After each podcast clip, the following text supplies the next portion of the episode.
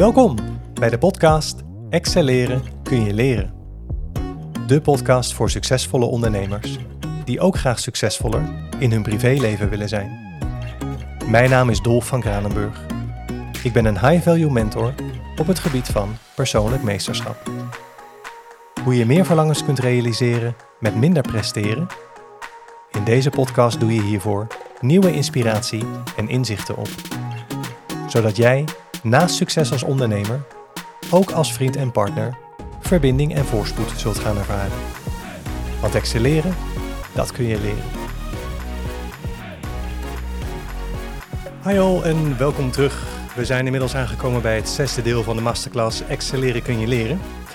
In deze aflevering maak je kennis met het op één na laatste essentiële element, terwijl we zo langzamerhand gaan toewerken naar El Gran Final. In de voorgaande aflevering zijn vijf van de zeven essentiële elementen tot zover al aan bod gekomen. We nemen ze in vogelvlucht nog even door. Essential 1 gaat om weten wat je wilt. Wat wil zeggen dat die dingen die je absoluut meegemaakt of bereikt wil hebben in jouw leven, jouw verlangens, dat je die formuleert in de vorm van concrete, meetbare en bovenal haalbare doelstellingen voor jou. De tweede essential gaat om de meest authentieke versie van jezelf kennen. Wat wil zeggen dat je weet uit welk authentiek gedrag en vaardigheden jouw gouden potentieel bestaat en dat je weet welke aangeleerde vaardigheden en overlevingsgedrag de manifestatie daarvan in de weg staan, wanneer jij in je dagelijks leven onder druk komt te staan. De derde essential gaat om in staat zijn om in elke situatie meester over jezelf te zijn. Wat wil zeggen dat je meer loskomt van jouw overlevingsinstinct, dat je in staat bent om je verdriet, angst en boosheid te temperen, dat je in elke situatie keuzevrijheid hebt met betrekking tot hoe jij wilt reageren en hiermee ruimte voor jezelf creëert om van aangeleerd naar authentiek gedrag te kunnen gaan.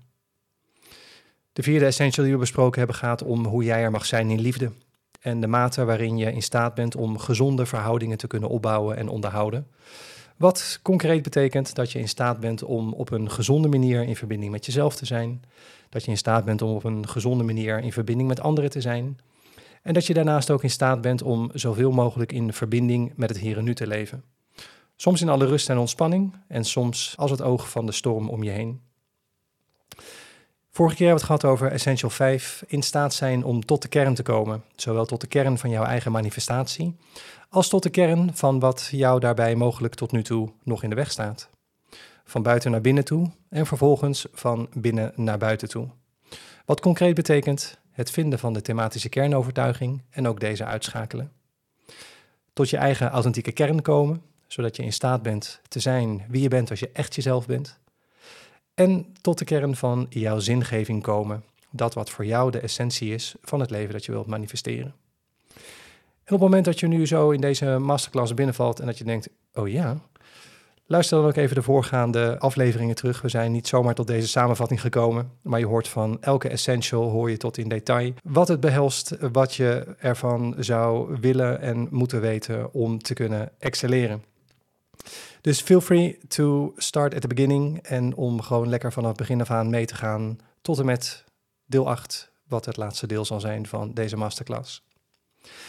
In deel 4 heb ik jullie verteld dat de mensen met wie ik werk in hun dagelijks leven meestal ook ervaren dat hun verstand en gevoel niet op één lijn zitten.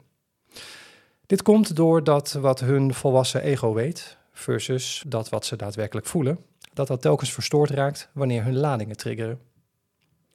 Omdat gevoel geen tijd kent, is het gevolg hiervan dat de beleving van de huidige realiteit tijdelijk beïnvloed en sterk gekleurd wordt door een tot nu toe onverwerkte emotie, die al veel eerder in het leven van deze persoon ontstaan kan zijn. Waardoor iemand zich dan ineens weer de jongere of het, zelfs het kind kan voelen en als zodanig reageert, maar dan vanuit lading. Sommige mensen vinden het ook lastiger dan anderen om hun gevoel te benoemen, heb ik gemerkt. Uit eerdere delen weten jullie inmiddels dat het ego woorden nodig heeft om een gevoel te kunnen analyseren en om dit te kunnen plaatsen. En ook dat dit moeilijker wordt naarmate iemand meer sfeerladingen tegenkomt in zijn of haar dagelijks leven. Daarnaast is het goed om op te merken dat ook niet elke persoon in de basis op dezelfde manier voelt. In mijn visie en werkwijze kijk ik op twee manieren naar hoe iemand voelt. De eerste manier is door te observeren welk type gevoelssysteem de persoon voor mij heeft. De meeste mensen hebben het type gevoelssysteem dat we in mijn werkwijze gevoelsmatig energetisch noemen. Dit zijn de mensen die in staat zijn om hun emoties op te merken en om daar ook woorden aan te geven. Over het algemeen is bij deze mensen hun volwassen denken goed in staat om te benoemen wat ze voelen en om dit ook in de context van hun levenservaringen te kunnen plaatsen. Daarnaast is er ook een groep die het type gevoelssysteem hebben, wat we in mijn werkwijze mentaal-energetisch noemen. En dit zijn de mensen die niet goed in staat zijn om hun emoties op te merken en die vaak ook hun lichaam niet kunnen voelen. Hun volwassen denken is eigenlijk niet of nauwelijks in staat om te kunnen benoemen of ze iets voelen. En als ze dan al iets voelen, ja, wat ze dan precies voelen. Dit type gevoelssysteem ontwikkelt zich bij mensen die veel sfeerladingen aan de basis hebben. Deze mensen hebben onbewust geleerd om naar hun hoofd te trekken, weg bij hun gevoelens van kwetsbaarheid waar ze geen woorden aan kunnen geven. Ze hebben voelen in het algemeen als oncomfortabel en misschien zelfs als onveilig ervaren, waardoor ze in de loop van hun leven een sterk controlerend denken ontwikkeld hebben. Het ego wil met dit controlemechanisme voorkomen dat hij in situaties terechtkomt waarin sfeerladingen kunnen triggeren, waardoor hij zich kwetsbaar, oncomfortabel en misschien zelfs onveilig zou kunnen gaan voelen. Met als gevolg dat deze mensen met dit type gevoelssysteem zodanig in hun hoofd gefocust zijn dat ze hun gevoel niet zonder meer bij hun lichaam kunnen afchecken. En dit maakt dat deze groep mensen hun gevoel vaak ook niet begrijpt. En dat hun ego eigenlijk altijd twijfelt over of hij wel iets voelt en wat hij dan precies voelt. En dan is er nog de groep mensen die het type gevoelssysteem hebben dat we in mijn werkwijze lichamelijk energetisch noemen. Dit zijn de mensen die goed in staat zijn om hun lichaam te voelen en die ook hun emoties opmerken, maar die dat wat ze voelen eveneens lastig onder woorden kunnen brengen. Want ook dit type gevoelssysteem ontwikkelt zich bij mensen die veel sfeerladingen aan de basis hebben. En daar waar het mentaal-energetisch gevoeltype geleerd heeft om met de focus juist van het lichaam weg te trekken, naar het denken toe, hebben de mensen met een lichamelijk-energetisch gevoelssysteem onbewust geleerd om op het lichaam gefocust te zijn. Deze mensen voelen heel veel en kunnen daar vaak geen woorden aan geven. Voor hen zijn woorden eerder verstorend en een afleiding van dat wat ze voelen. En ook de mensen met dit gevoelssysteem hebben vaak een sterk controlerend denken ontwikkeld, waarmee het ego wil voorkomen dat hij in situaties terechtkomt waarin sfeerladingen zouden kunnen triggeren, waardoor hij zich kwetsbaar, oncomfortabel en misschien zelfs onveilig gaat voelen. Uit de praktijk blijkt overigens dat er wel een verschil is tussen iets voelen, maar er geen woorden aan kunnen geven, en niet of niets voelen. En de gevoelssystemen die kun je zien als een schaalverdeling waarbij het gevoelsmatig energetisch type in het midden zit en eigenlijk het grootste deel van het spectrum beslaat. Het mentaal-energetische type en het lichamelijk-energetische type, die zitten aan weerszijden daarvan en vormen de uiteinden van het spectrum. De ervaring leert ook dat je kunt opschuiven naar een andere positie op dit spectrum. Als ik mijzelf als een voorbeeld neem, dan heb ik van huis uit niet geleerd om over mijn gevoelens te praten. Ik heb daar pas vorderingen mee gemaakt in mijn latere relaties en toen ik in therapie ging. Zou je mij nu een jaar of 15 geleden ontmoet hebben, zo vlak voor mijn burn-out, dan had je mij leren kennen als een persoon die totaal uit verbinding met zichzelf en met zijn lichaam was. Ik beleefde mezelf als een zwevend hoofd, volledig gefocust op prestatie, om vooral me niet te hoeven voelen. Inmiddels weet ik dat ik een lichamelijk-energetisch gevoelssysteem heb. Ik had ook veel lichamelijke sfeerladingen aan de basis, als gevolg van een moeder die zelf niet al te best in staat was om zich te verbinden. En als gevolg van het verlies van mijn tweelinghelft in het eerste stadium van de zwangerschap, waardoor ik me dubbel eenzaam en alleen voelde.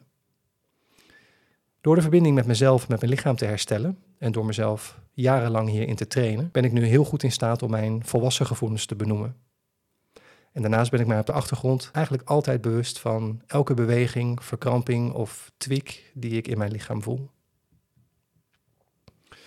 Een andere manier om te kijken naar hoe iemand voelt is op basis van de onderbewuste drijfveren. Aan de hand van hoe deze drijfveren bij de persoon in kwestie georganiseerd zijn, en door te meten wat daarvan wel en niet ontwikkeld is, kun je een goed beeld krijgen van hoe iemand op dit moment voelt en daarnaast wat de meest natuurlijke manier van voelen voor deze persoon is. En vanuit deze werkwijze hebben we in de basis allemaal vier gevoelstypes in ons.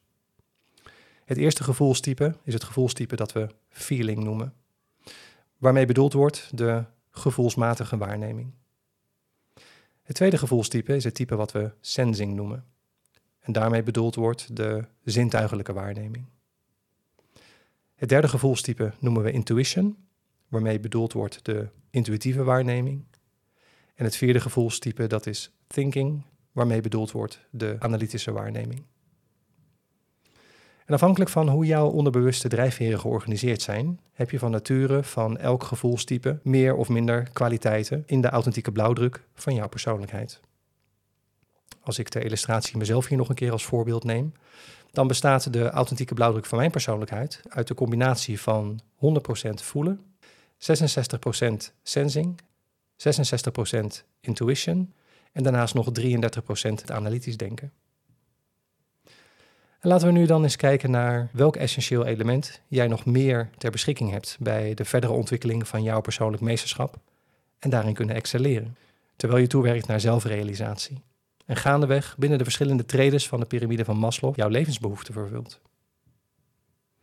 In deel 2 hebben we het gehad over de drie intelligente delen die in mijn visie onderdeel zijn van wie je bent. We hebben het gehad over het ego, het intelligente deel, dat gaat over domein denken. We hebben het gehad over het gevoelscentrum, het, het intelligente deel, dat gaat over domein voelen. En we hebben het gehad over het intuïtieve deel, en dat is het intelligente deel, dat gaat over het domein innerlijk weten. In deel 3 hebben we het vervolgens gehad over de kwaliteiten van de intelligente delen, die ik hier verder zal aanvullen. Als we dan kijken naar de kenmerken van het ego, dan is dat eigenlijk de stuurman of stuurvrouw in jouw dagelijks leven die de beslissingen neemt. En je denken wordt ook wel het eerste brein genoemd, fysiek je hersenen. Het ego ervaart zichzelf door tijd. En je ego leert door te ervaren. En het ego is het intelligente deel wat communiceert met taal, heeft de woorden tot zijn beschikking om daarmee te communiceren. Het ego is in staat om voor elke situatie meerdere aanpakken te bedenken, maar twijfelt daarom ook altijd. Een andere kwaliteit van het ego is dat hij zich maar op één ding tegelijk kan focussen. De kenmerken van het gevoelscentrum is dat het gevoelscentrum een ander woord is voor het autonome zenuwstelsel, een onafhankelijk functionerend zenuwstelsel dat zich bij mensen in de buik en in het bijzonder in de darmwand bevindt. Dit wordt ook wel de second brain of het tweede brein genoemd. Het gevoelscentrum communiceert met bewegingen. En het gevoelscentrum kent alleen het nu, want immers gevoel kent geen tijd. Het gevoelscentrum daarnaast is niet nieuw. Door de eeuwen heen zijn hier al verschillende benamingen aangegeven, zoals het keypunt, de hara, de danchen. En in oude beschavingen van Zuid-Amerika zei men al, de buik eet het gevoel op. En wat wel vrij nieuw is, is dat er in Nederland en sinds 2001 technieken ontwikkeld zijn waarmee dit autonome zenuwstelsel als een gevoelscentrum gebruikt kan worden. En in het bijzonder om ladingen mee te neutraliseren. En dat betekent dus dat jouw lichaam, naast drager van ladingen, ook een heel belangrijk instrument in huis heeft om de problematiek te kunnen oplossen die voortkomt uit en in stand gehouden wordt door ladingen. Ik kom hier zo nog even op terug. De kenmerken van het intuïtieve deel is dat het intuïtieve deel communiceert met rillingen, met haren die recht overeind gaan staan, kippenvel. Of een onderbuikgevoel. Eigenlijk het weten zonder precies te weten hoe je het weet. En het intuïtieve deel kan met die beweging bevestigen dat je de juiste snaar raakt of dat je op de voor jou juiste frequentie of trilling bent gefocust. Dus het intuïtieve deel kan vooral bevestigen. En in mijn visie en werkwijze zijn er een aantal energetische wetten. Die zijn verbonden met intelligente delen. En een energetische wet is een randvoorwaarde, een spelregel waar je niet omheen kunt. Maar door ze in mijn visie en werkwijze te respecteren, kunnen sommige ook toegepast worden als een hulpmiddel. Want waarbij je bij het ego bijvoorbeeld rekening mee moet houden, is dat hij zich maar op één ding tegelijk kan focussen. En dat kan in die zin een beperking zijn, maar het kan ook een welkom hulpmiddel zijn, want het ego kan namelijk of gefocust zijn op de lading, of kan gefocust zijn op je vakantie en de mooie reis die je daar gemaakt hebt, maar niet allebei tegelijk. Een belangrijke energetische wet die we hanteren en respecteren is dat de trigger voorrang op het denken heeft. Elke keer dat een lading triggert, wordt het denken uitgeschakeld en dat kan het denken niet voorkomen. En dat is een spelregel om rekening mee te houden, maar die je ook heel goed kunt inzetten. En waarbij je bij het gevoelscentrum rekening mee moet houden, bijvoorbeeld, is dat gevoel niet naar prestatie luistert. Ik zie soms mijn cliënten heel erg hun best doen om iets te voelen en eigenlijk dan in de prestatie schieten. En weet dat presteren dat dat een kwaliteit is van je denken. Maar op het moment dat je denken gefocust is op prestatie, die kan zich of focussen op dat wat je, wat je wilt of dat wat je doet, of kan zich focussen op dat wat je in je lichaam voelt, maar niet allebei tegelijkertijd. En bij die beweging waarmee het gevoelscentrum communiceert, is het belangrijk dat het gaat om de kwaliteit van de beweging en niet om de kwantiteit van de beweging. Het hoeft niet altijd groot en meeslepend te zijn om ook effectief te zijn. En in de voorgaande delen hebben we al veel gesproken over het ego, omdat het nou eenmaal de belangrijkste stuurman of stuurvrouw is in jouw dagelijks leven en voor jou een heel belangrijke rol vervult. Maar het ego is ook beïnvloedbaar door ladingen, waardoor iemand helemaal bij zijn gevoel kan wegtrekken naar het denken toe het ego komt in mentale shocks terecht als gevolg van ladingen die triggeren. En daarnaast kan het ego in vitaliteit zelfs aangetast worden door ladingen. En er zijn meerdere soorten ladingen die het ego kunnen aanvallen, waaronder de zelfveroordeling en zelfverwijt, die we in deel 4 van deze masterclass besproken hebben. En op het moment dat dat een herhalend patroon wordt, dat de ladingen en de patronen die daaruit voortkomen, dat die het ego aanvallen, dan kan de persoon in kwestie minder vitaal of zelfs kwetsbaar worden. Andersom kan ook wanneer iemand minder vitaal wordt, bijvoorbeeld als gevolg van een toenemende leeftijd, maar ook als gevolg van veel stress in je dagelijks leven. Op het moment dat de vitaliteit minder wordt, krijgen ladingen meer ruimte om te kunnen komen opzetten. Omdat het ego dan minder goed in staat is om deze te kunnen compenseren en ze in je dagelijks leven onder de deksel te houden. En zoals al in deze reeks ook al een keer eerder benoemd, weten we vanuit de wetenschap intussen hoe ongelooflijk complex en ingenieus jouw fysieke lichaam in elkaar zit en functioneert. En op dit gebied is er een hele toffe en relevante nieuwe ontwikkeling die ik graag ook met jullie wil delen. Want eerder deze maand, dus op het moment van live gaan van deze aflevering nog hartstikke vers van de pers, is er een artikel gepubliceerd over de ongekende mogelijkheden die ons lichaam heeft om emotionele en soms ook fysieke pijn te neutraliseren met behulp van het gevoelscentrum. En dit artikel is geschreven door mijn collega's Ronald Duchateau en Martine Wiegers, beide werkzaam in de emotieve therapie en in de reguliere psychiatrie.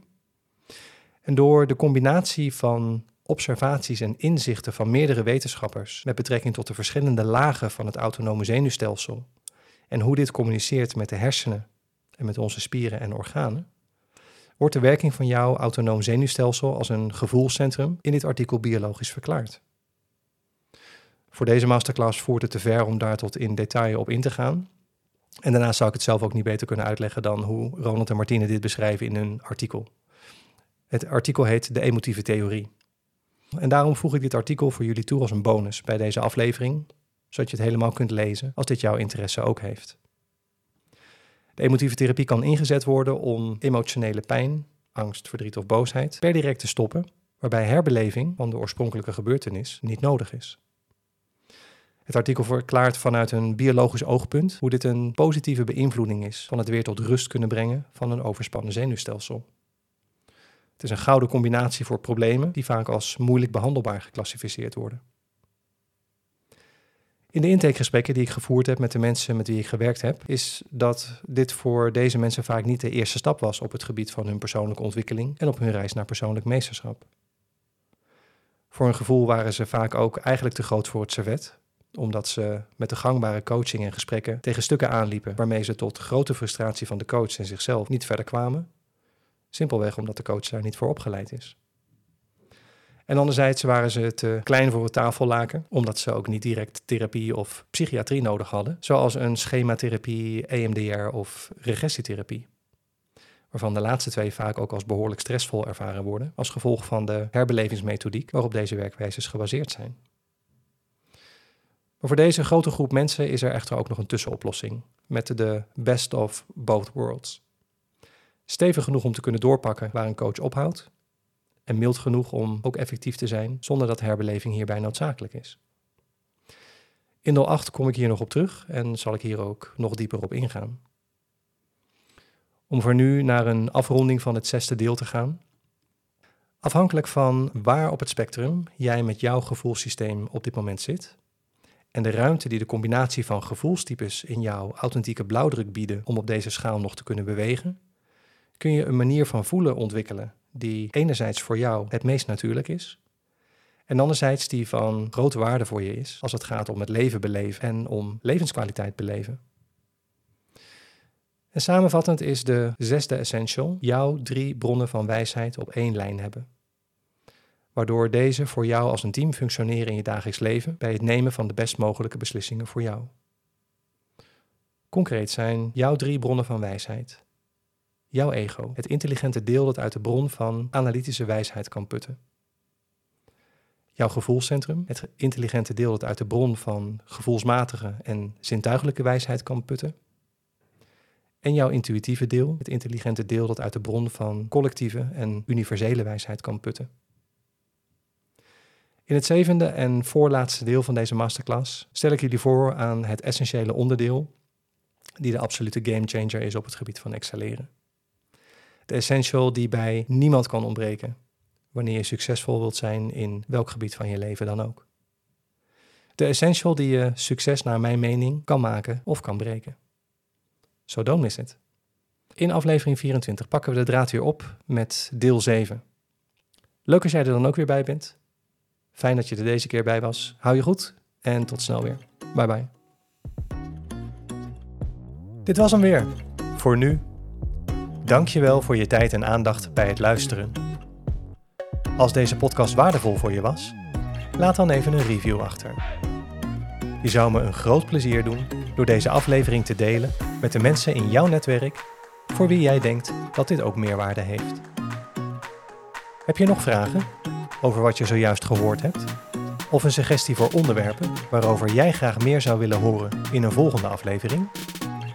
Stuur me dan een berichtje op LinkedIn, Instagram of Facebook. Abonneer je ook even op deze podcast als je dat nog niet had gedaan. Wil jij graag dieper ingaan op de mogelijkheden die er zijn voor jou om meer verlangens te realiseren met minder presteren? Bezoek dan mijn website www.dolfvankranenburg.nl. Hier kun je jouw één op één Zoom call met mij inplannen. Voor nu wens ik je alle goeds en graag tot de volgende keer.